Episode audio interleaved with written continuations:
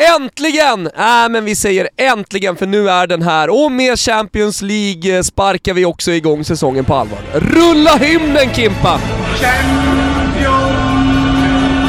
Kände ni hur huden knottrade i tisdags? Nåja, en smula kanske. För er med kort minne kan jag i alla fall berätta att allt började med de något pittiga tidiga matcherna som man faktiskt inte riktigt lärt sig köpa än. Sevilla Salzburg och Young Boys Manchester United sparkade igång alltihopa. Och i Schweiz vet jag inte riktigt vilken take jag ska ta. Jag menar, Ronaldo gjorde ju 1-0 till Solskärs gäng, men redan i den 35 minuten fick Wan-Bissaka syna det röda. Man kan tycka att United borde gjort det bättre med det laget och allt vad det innebär. Men samtidigt, en man mindre, trots allt Champions League och alla ni som lyssnat på Totski CL vet att Young Boys inte är något dussingäng. Hur som helst så vände de på kalaset och Jordan Sebatjö smällde in 2-1 på stopptid och skrällen var alltså ett faktum.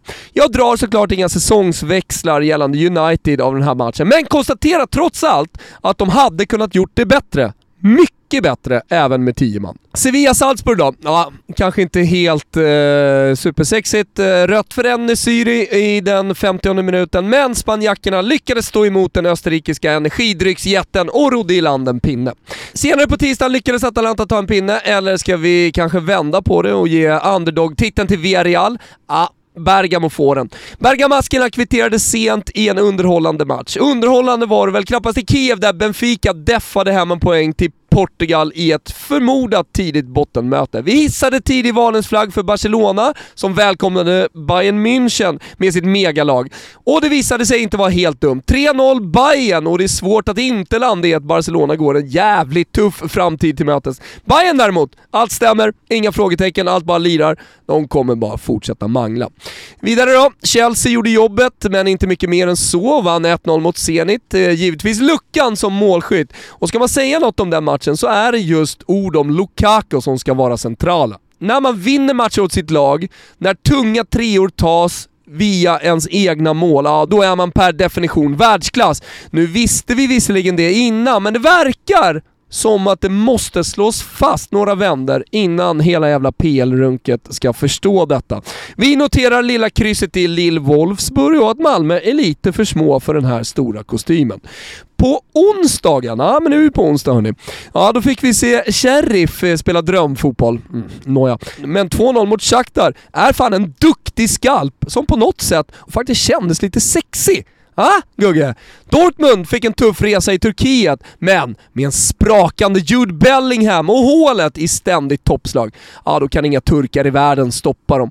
2-1 och kanonstart för tysken. Kanonstart fick också Ajax, som fortsätter att imponera, lyssna nu, och befästa någon slags kontinuitet och storklubbsaura i Europa. Ja, men jag känner lite 90-talsvibbar kring eh, Ajax. De är liksom äkta och inget tillfälligt, om ni förstår vad jag menar. 5-1 mot Sporting, det var fan wow.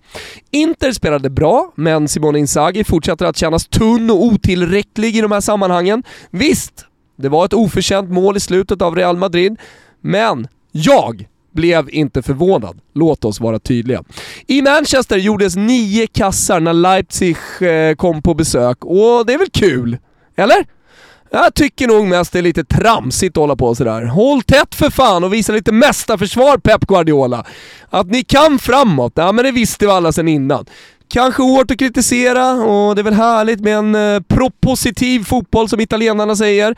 Men låt mig i alla fall här i svepet vara lite borrellig. Nio mål? Nej, det är inte för mig. Pochettino? Vet du vad Gugge? Han har fan allt att bevisa för mig. Och låt mig konstatera, och det är verkligen inte bara för att det var 1-1 borta mot Klubb Brygge på onsdagen. Utan låt mig bara konstatera att Pochettino har allt att bevisa i PSG. AM fick bara 0-0 trots alla offensiva pjäser i truppen mot Porto. Och Ruben, ja den som säger att Porto ska kryssa en massa, den lever. Och som den lever. Slutligen då, Liverpool-Milan. Värsta 15 minuter typ man har sett av Liverpool. Men fotbollsmatcher, de varar längre än en kvart. Big up Milan, ni är på riktigt och grattis Pool. Det kändes mäktigt att se den här matchen. Det kändes mäktigt att se Liverpool och Milan mötas i Champions League-sammanhang. Kanske var det hela omgångens match. Milan är tillbaka, och med det menar jag inte Berlusconi-era tillbaka, men på något sätt ändå tillbaka. Va? Är ni med? För det antar jag att ni är.